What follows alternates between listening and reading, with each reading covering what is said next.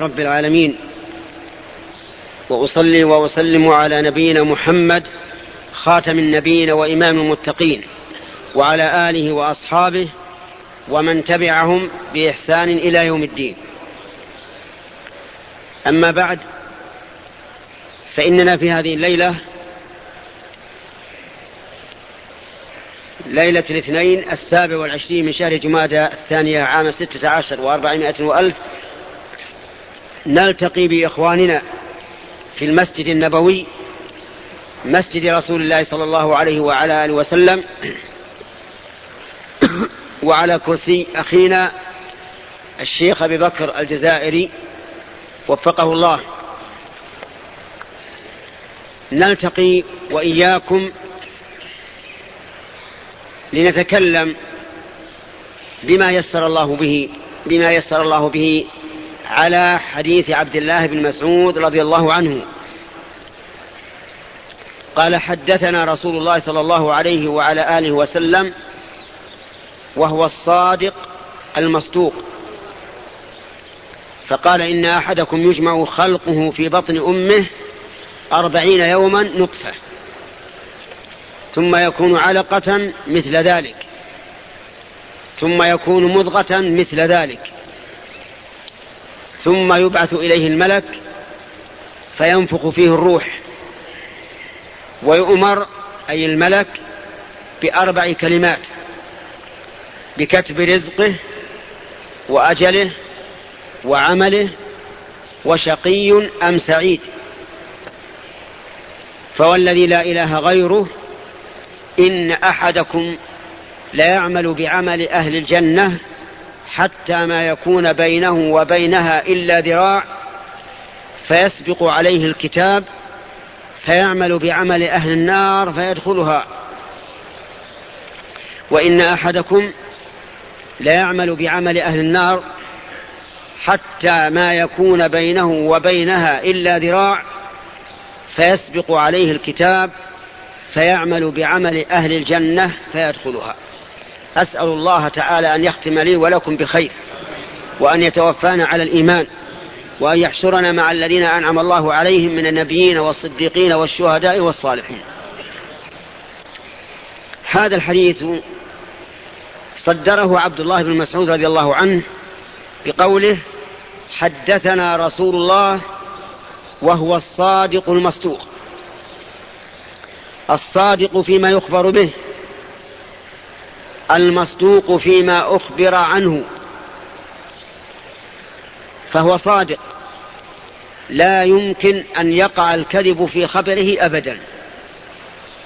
وهو مصدوق. لم يكذب عليه بالرسالة. بل رسالته حق من عند الله عز وجل.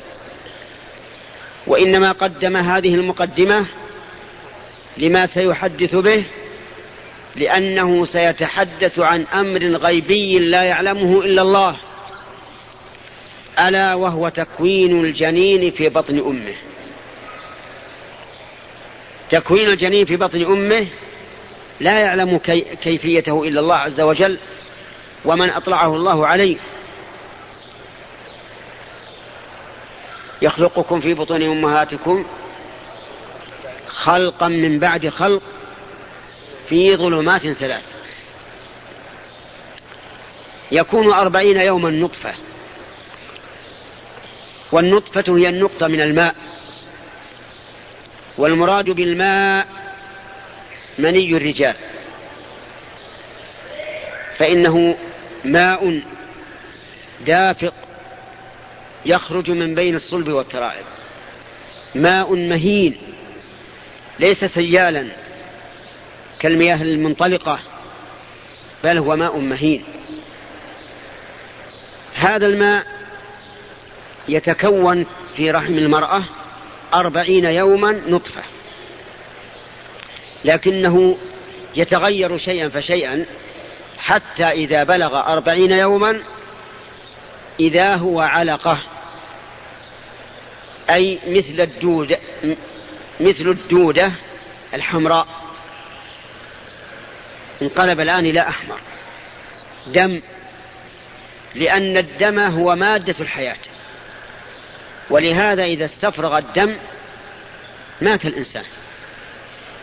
فهو المادة التي كون منها الإنسان من بعد الماء. يبقى أربعين يوما علقة. لكنه يتطور شيئا فشيئا. إلا أنه ما زال إلى العلقة أقرب منه إلى المضغة. ثم بعد الأربعين الثانية يكون مضغة أي لحمة صغيرة بقدر ما يمضغه الإنسان. هذه المضغة تبدأ من الواحد والثمانين يوما. تكون مخلقة وتكون غير مخلقة كما قال تعالى ثم من مضغة مخلقة وغير مخلقة. لكنه من الواحد والثمانين يمكن أن يتبين خلق الجنين. أما قبل الثمانين يوما فلا يمكن. ثم بعد أربعين يوما وتكمل هذه المدة الأخ قم. كم تكمل المدة؟ لا. كيف واحد وثمانين ها؟ كيف؟ خطأ. أين ذهبت؟ لا أنت معي في الجسم. من يعرف؟ تفضل. أستاذ بارك الله فيك. 120 يوما. أحسنت. 120 يوما. 120 يوما. أربعون يوما نطفة. أربعون يوما كم؟ ما هي؟ أربعون يوما مضغة. لا إله إلا الله. أربعون يوما نطفة. أربعون يوما علقة. أربعون يوما مضغة. بعد الأربعين الثالثة وبها يتم للجنين أربعة أشهر. أليس كذلك؟ بعد هذا يبعث إليه الملك. ملك موكل بالأرحام. فينفخ فيه الروح. والملك الآن ينفذ إلى الجنين في رحم أمه. لأن الملائكة ليسوا كأجسام بني آدم أجساما كثيفة. وهم أيضا يتقلبون في الخلقة كما يأمرهم الله عز وجل. جبريل رآه الرسول عليه الصلاة والسلام مرة في الأرض وله ستمائة جناح. قد سد الأفق. كل الأفق مغطى. بأجنحة جبريل عليه السلام. ورآه كذلك مرة ثانية عند سدرة المنتهى في المعراج. ورآه مرة على صورة رجل كثير كثير سواد كثير سواد الشعر شديد بياض الثياب. نعم. لا يرى عليه أثر السفر ولا يعرفه أحد. ورآه مرة على صورة دحية الكلب. يتقلبون في الخلقة كما يشاء الله. هذا الملك الموكل بالرحم يصل إلى الجنين. فينفخ فيه الروح. ويؤمر بأربع كلمات. بكتب رزقه هذه واحد. وأجله اثنين وعمله ثلاثة. وشقي أو سعيد هذه واحد من اثنين. واحد من اثنين. أليس كذلك؟ لأنه إما شقي وإما سعيد. لا يمكن يجتمع يجتمع الاثنان. ولهذا قال بأربع كلمات. يكتب هذا. الرزق مكتوب. قدره وكيف يحصله الإنسان؟ من طريق حلال من طريق حرام بكلفة بسهولة كثير قليل مكتوب تماما. حتى اللقمة التي يرفعها إلى فمه مكتوبة. يكتب رزقه كله. ثانيا أجله. أجله يعني مدة بقائه في الدنيا. مدة البقاء في الدنيا قد تكون طويلة وقد تكون قصيرة. وقد يموت الابن قبل الأب وقد يموت الابن قبل الجد لأن الآجال كتبت بتقدير من؟ بتقدير الله عز وجل. ما للإنسان فيه مدخل؟ كم من رجلين يصابان بحادث واحد؟ واحد الجرح واحد والموضع موضع الجرح واحد. ثم أحدهما يموت والثاني ينجو. لأن الأول تمت مدته والثاني لم تتم. الأجل مكتوب محدد تماما. بالساعة ولا باليوم؟ باللحظة. الذي هو التي هي أقل من من الثانية. مكتوب. لا يمكن يتجاوز. وعمله. وهذه النقطة المهمة. العمل مكتوب. صالح سيء خلط صالح وسيء مكتوب. كثير قليل مكتوب. العمل. الرابع شقي أو سعيد. نسأل الله أن يجعلني وإياكم من السعداء بمنه وكرمه. شقي أو سعيد. إن كان عمله صالحا فهو سعيد وإن كان عمله سيئا فهو شقي. يكتب هذا كله.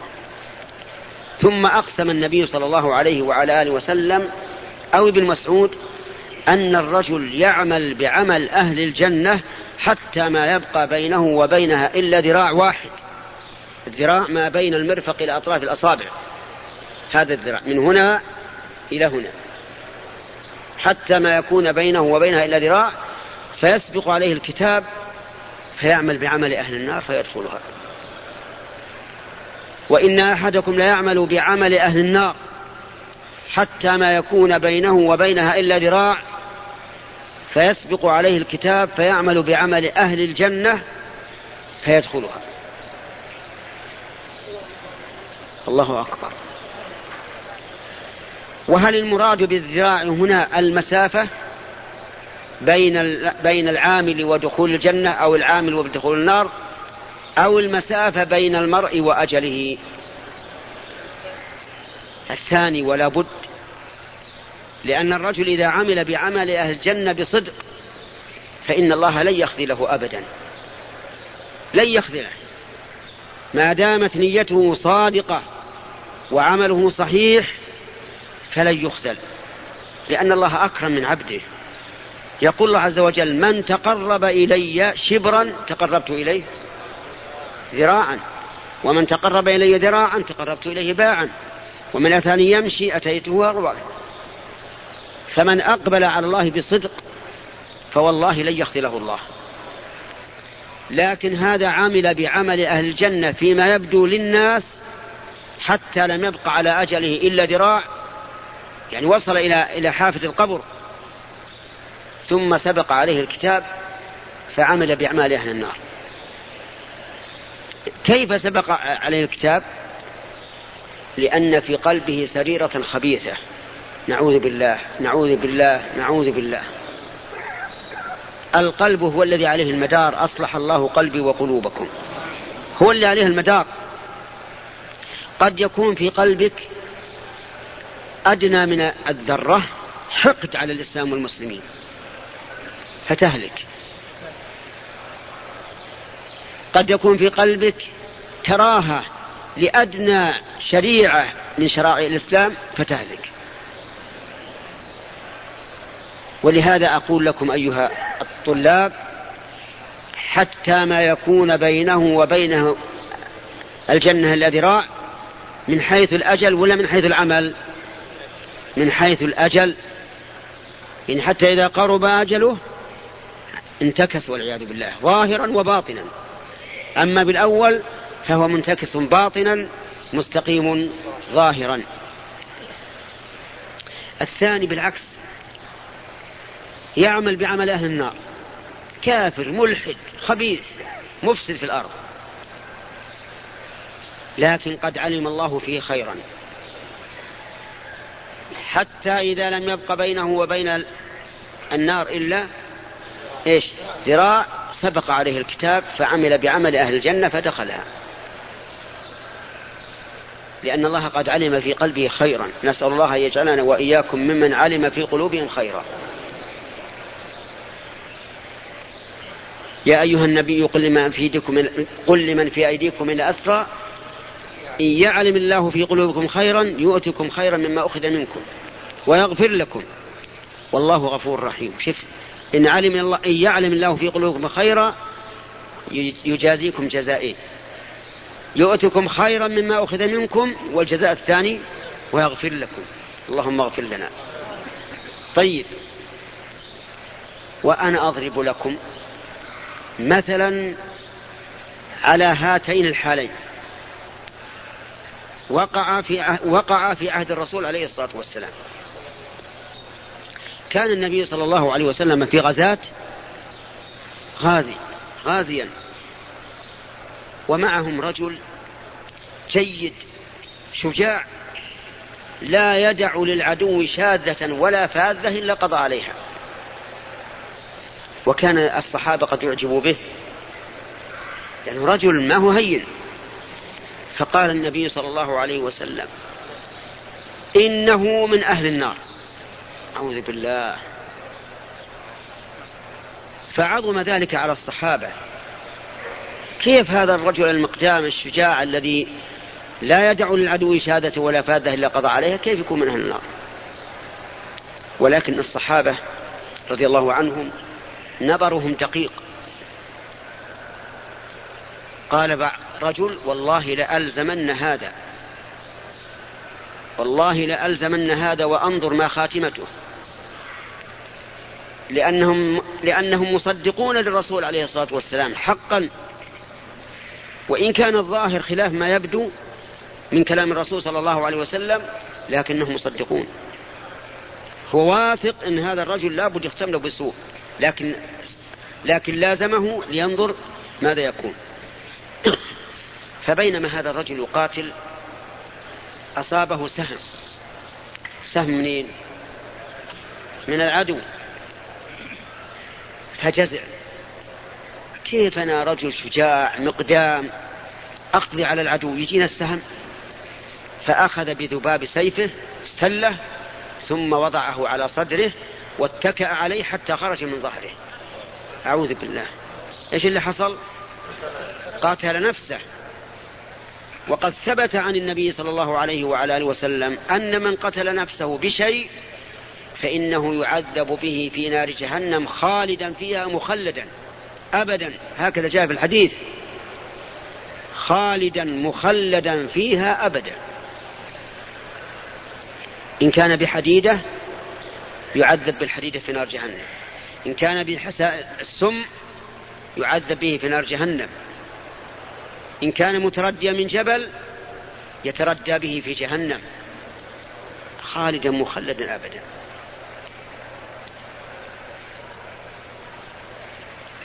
ختم له بإيش؟ بخاتمة السيئة. ثم قال النبي صلى الله عليه وعلى آله وسلم على إثر ذلك قال نعم. ثم جاء الرجل الذي كان لازمه, لازمه إلى الرسول عليه الصلاة والسلام فقال أشهد أن لا إله إلا الله وأنك رسول الله. أشهد أن لا إله إلا الله وأنك رسول الله. قال بما؟ قال الرجل الذي قلت بالأمس إنه من أهل النار فعل كيت وكيت.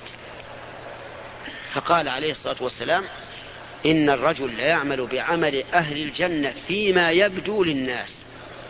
انتبهوا للنقطة هذه. فيما يبدو للناس يعني قلبه والعياذ بالله أسود. فيما يبدو للناس وهو من أهل النار. هذا الرجل من أي الصنفين؟ ممن يعمل بعمل أهل الجنة حتى ما يكون بينه وبينها إلا ذراع أو ممن يعمل بعمل أهل النار. الأول والثاني. الأول. هذا مثل. مثال آخر.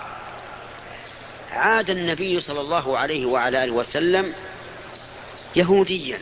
فتى. مريض. يهودي. واليهود أخبث عباد الله.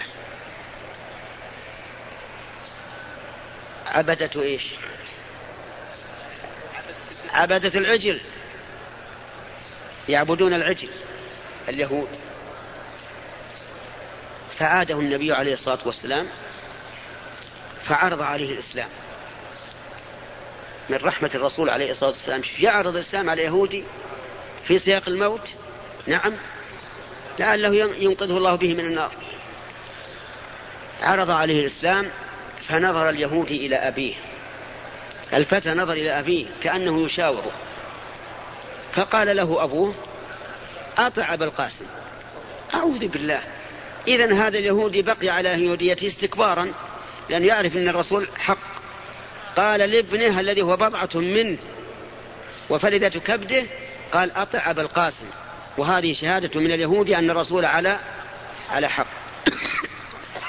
فأسلم اليهودي. الفتى أسلم كم بقى عليه يدخل النار نعم؟ شيء قليل. قد يكون أقل من الذراع. أسلم اليهودي فخرج النبي صلى الله عليه وسلم وهو يقول الحمد لله الذي أنقذه بي من النار. أنقذه بي. ما قال الحمد لله أني أنقذته من النار؟ الرسول ما يستطيع أن ينقذ أحد من النار.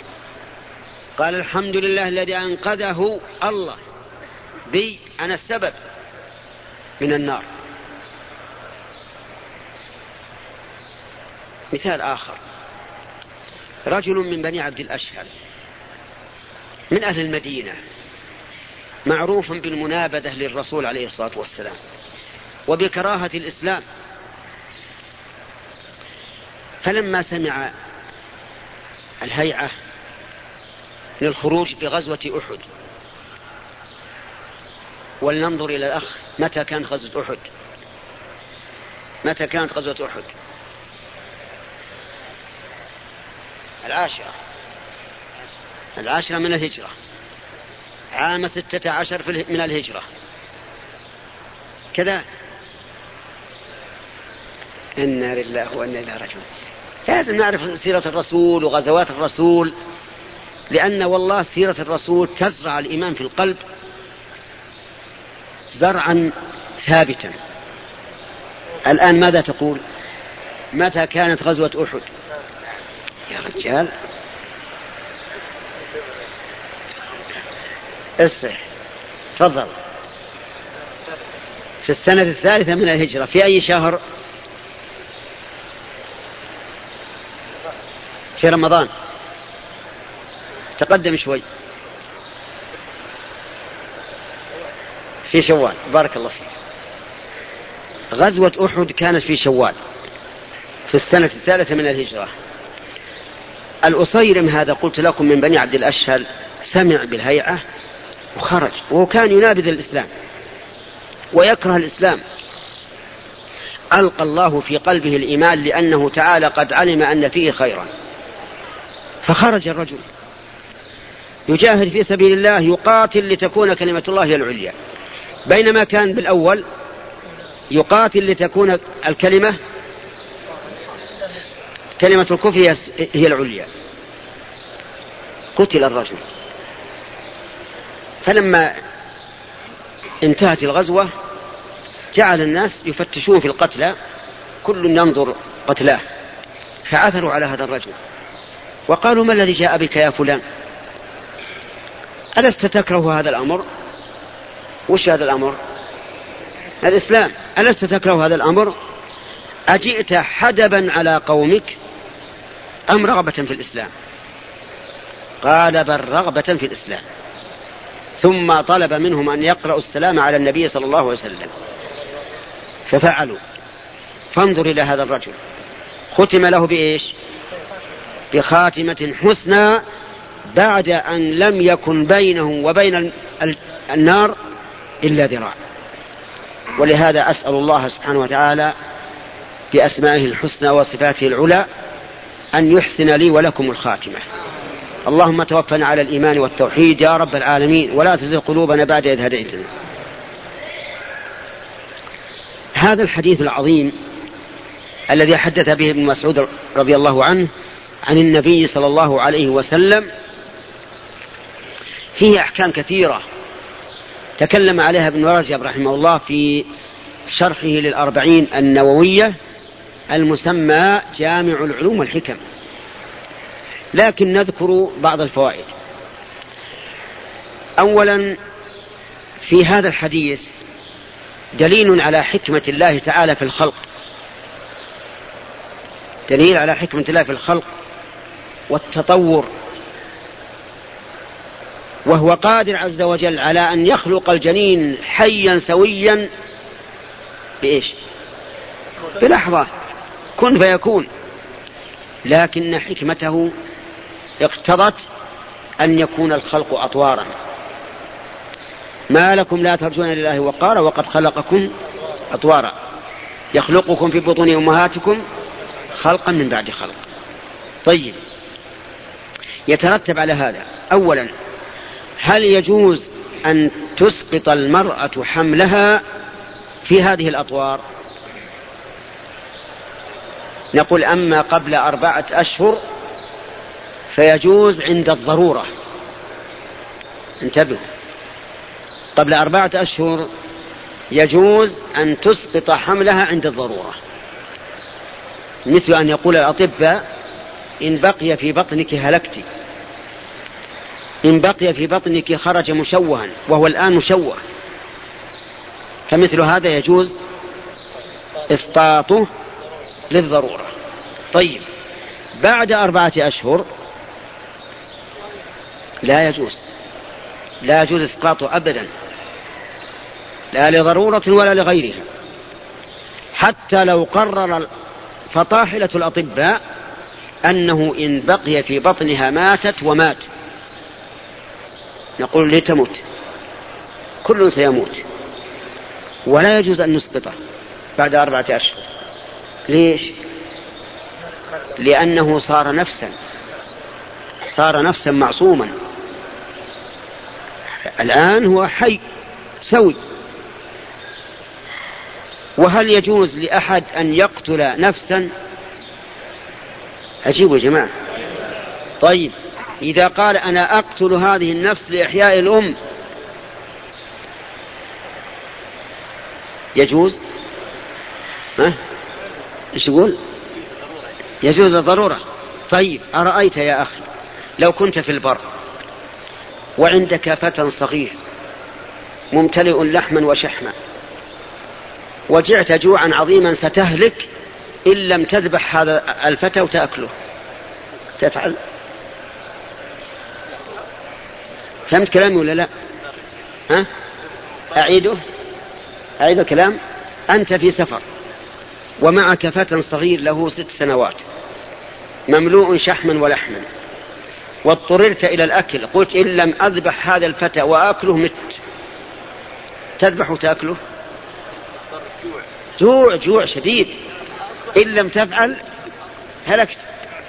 تذبح وتأكله؟ ها؟ لا يا أخي أعوذ بالله. تذبح وتأكل ما في, ما في قلبك رحمة والعياذ بالله. موت سوا نعم. هذا لا يجوز. ولا أحد من العلماء قال بذلك إطلاقا. يعني ما قال أحد من العلماء إنه يجوز للإنسان أن يذبح معصوما لينجو به من الهلاك. أبدا. ولا يقول هذا أحد. أخشى أن تسلطت على هذا الفتى الصغير يجيب الله واحد يتسلط يتسلط عليك بعد. يصير جوعان وياكلك أنت. لا يا أخي اتق الله. طيب. لكن لو فرض أن قوما في مفازة في مفازة مهلكة وصاروا يتساقطون موتى وهذا الحي بقي حي واحد منهم أو اثنين أو أكثر بقوا أحياء إن لم يأكلوا من هذه الجيف جيف الأموات هلكوا. هل هل يأكلون أو لا؟ أقول لك. يأكلون؟ ماذا تقولون؟ هذه مختلف فيها. فعند الشافعي الإمام الشافعي رحمه الله يقول يجوز. لأن حرمة الحي إيش؟ أعظم من حرمة الميت. الميت مات راح. ومذهب الحنابلة يقول لا يموت ولا يأكل من الميت. على كل حال نسأل الله أن لا يحوجنا وإياكم. لكن مسألة واحد بيذبح حي علشان يأكله لا. طيب الآن هذا الجنين في بطن أمه. قال الأطباء إن بقي في بطن أمه هلكت الأم وقد تم له أربعة أشهر نفخت فيه الروح فهل يجوز أن نسقطه ليهلك من أجل بقاء الأم؟ لا. لا يجوز. أولا لأن هذا قتل نفس لاستبقاء نفس وهذا حرام. والثاني افرض إن نزلنا الحمل ومات. هل نحن على يقين أن الأم ستبقى؟ ربما تموت بعد. فعلى كل حال أنا قصدي أن الجنين ما دام لم يبلغ أربعة أشهر فإن المرأة إذا اضطرت إلى إيش؟ إلى إسقاطه فلا بأس. أما بعد أربعة أشهر فلا. ثانيا بعد أربعة أشهر خرج الجنين. خرج الجنين ومات. من عند الله عز وجل. هل يسمى؟ يسمى. يسمى. وهل يعق عنه؟ يعني يذبح له ذبيحة؟ نعم. ليش؟ وهل يغسل ويكفن ويصلى عليه ويدفن في المقابر؟ نعم. ليش؟ لأنه بشر. الآن هذا الجنين سوف يبعث يوم القيامة وسوف ينادى باسمه. فإذا يسمى ويعق عنه ويغسل ويكفن ويصلى عليه ويدفن مع, مع المسلمين. واضح؟ طيب. امرأة في عدة. في عدة وفاة ولا طلاق؟ وضعت الحمل. وقد خلق. لكنه لكن له له, له تسعون يوما. لم تنفخ فيه الروح بعد لكنه مخلق. فوضعت وهي في عدة. هل تنقضي العدة؟ نعم تنقضي العدة لأنه مخلق. وقد قال الله تعالى وولاة الأحمال أجلهن أن يضعن حملهن. أما ما يتعلق بالعمل وأن الإنسان مكتوب عمله صالح أو سيء فهذا هو معترك معترك الناس. معترك الناس. يعني يقول قائل إذا كان عملي مكتوبا إذا كان عملي مكتوبا فلماذا أعمل؟ كل شيء مكتوب إذا أسكت. لأن الإنسان مكتوب عمله مكتوب شقي أو سعيد فلماذا لا يدع العمل ويقول أعتمد على ما على ما كتب؟ نقول لا غلط هذا. لأن الصحابة أوردوا هذا على الرسول صلى الله عليه وسلم. لما قال ما منكم من أحد إلا وقد كتب مقعده من الجنة ومقعده من النار. قالوا يا رسول الله إذا ندع العمل. نتكل على ما كتب قال لا اعملوا فكل ميسر لما خلق له. نقول اعمل يا أخي. وأنت إذا عملت يسر يسرك الله لما خلقت له. ثم نسأل هذا الرجل الذي يريد أن يعتمد على ما كتب نقول هل أنت الآن تعلم أنك مكتوب شقيا؟ الجواب هل أحد منا يعلم أنه مكتوب شقيا؟ لا. هل لأحد منا يعمل المكتوب سعيدا؟ لا. لكن الحمد لله بشرى عاجل الم... عاجل بشرى المؤمن أن يوفق للعمل. إذا رأيت أن الله وفقك للعمل الصالح فأبشر فإن الله يقول فأما من أعطى واتقى وصدق بالحسنى ف... فسنيسره لليسرى. إذا علمت أن الله يسر لك الأعمال الصالحة وصارت سهلة عليك وتحبها وترغب فيها فهذه بشرى لك. إذا اعمل أرأيت لو أنك قلت هل أولادي مكتوبين؟ الأولاد اللي يأتي الإنسان أولاد بنات وبنين مكتوبين ولا غير مكتوبين؟ أجيبوا يا جماعة. إيش الجواب هذا؟ سهل. هل أولادك الذين قدر أن الذين قدر أن يكونوا لك مكتوبون وعند الله عند ولا لا؟ طيب. مكتوبون. لو قال الإنسان إذا ما نتزوج ما نتزوج إذا كان مكتوب العيال بيجون منين؟ ينبتون براسه ولا ولا من سطح البيت ولا إيش؟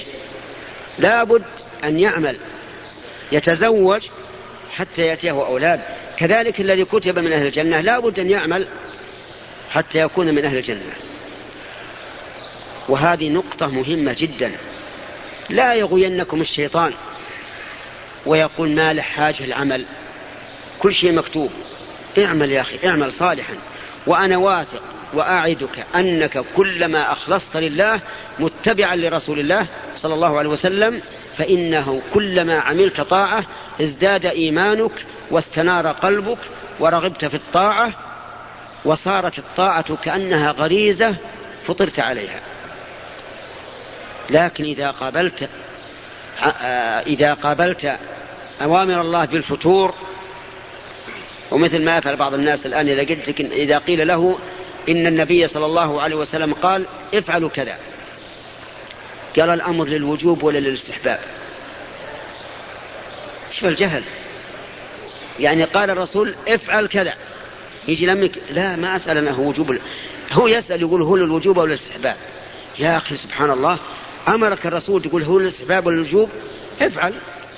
إن كان للوجوب أبرأت ذمتك وإن كان للاستحباب حصلت الأجر. وإن كان للوجوب حصلت أبرأت ذمتك وحصلت الأجر وإن كان للاستحباب حصلت الأجر. لا أذكر أن واحد من الصحابة لما قال الرسول افعل قال هل, هل هو للوجوب أو للاستحباب؟ أبدا. ماذا يقول؟ سمعنا وأطعنا. الله أكبر. تناقش. صحيح أن الإنسان إذا فعل الفعل أو ترك ما أمر به حينئذ يسأل إن كان الأمر للوجوب فأنا أستغفر الله وأتوب إليه وأحدث توبة وإن كان الاستفاء فالأمر أخف. ولا أعلم أن أحدا جاوب الرسول قال هل أمرك للوجوب أو لا إلا مسألة واحدة. مسألة واحدة. من يعرفها؟ تفضل. نعم. حديث بريرة بريرة. بريرة كانت أمة مملوكة. عبدة. فعتقت. فعتقت. وإذا عتقت الأمة خيرت بين أن تبقى مع زوجها أو تفسخ النكاح. وكان لها زوج اسمه مغيث. يحبها حبا شديدا. لما عتقت خيرها الرسول عليه الصلاة والسلام. قال أنت الآن بالخيار. إن شئت تبقين مع الزوج ابقي معه. إن شئت تفسخين النكاح فسخيه شوف لأن الآن ملكت نفسها وكان بالأول زوجها سيدها بملكها هو مالكها والآن ملكت نفسها. قالت يا رسول الله أختار الفراق ما أبيه؟ نعم تقول ما أبيه. فكان زوجها يلاحقها في أسواق المدينة. يستغيث يقول أرجعي لي وتقول لا. فطلب من النبي صلى الله عليه وسلم أن يشفع. شوف الرسول يشفع إلى من؟ إلى بريرة لأنها محقة. فشفع فيها الرسول عليه والرسول عليه الصلاة والسلام أكرم الناس بماله وبدنه وجاهه وكل شيء صلى الله عليه وسلم. اللهم ارزقنا اتباعه ظاهرا وباطنا. اللهم صل وسلم عليه. شفع إلى زوجها شفع إليها في زوجها. قال ارجعي له قالت يا رسول الله إن كنت تأمرني بذلك فسمعا وطاعة وإن كنت شافعا فلا حاجة لي فيه. قال بل أنا شافع لأن الحق لها قالت لا حاجة لي فيه. فكان النبي صلى الله عليه وسلم يقول ألا تعجبون من حب مغيث لبريرة وبغض بريرة للمغيث؟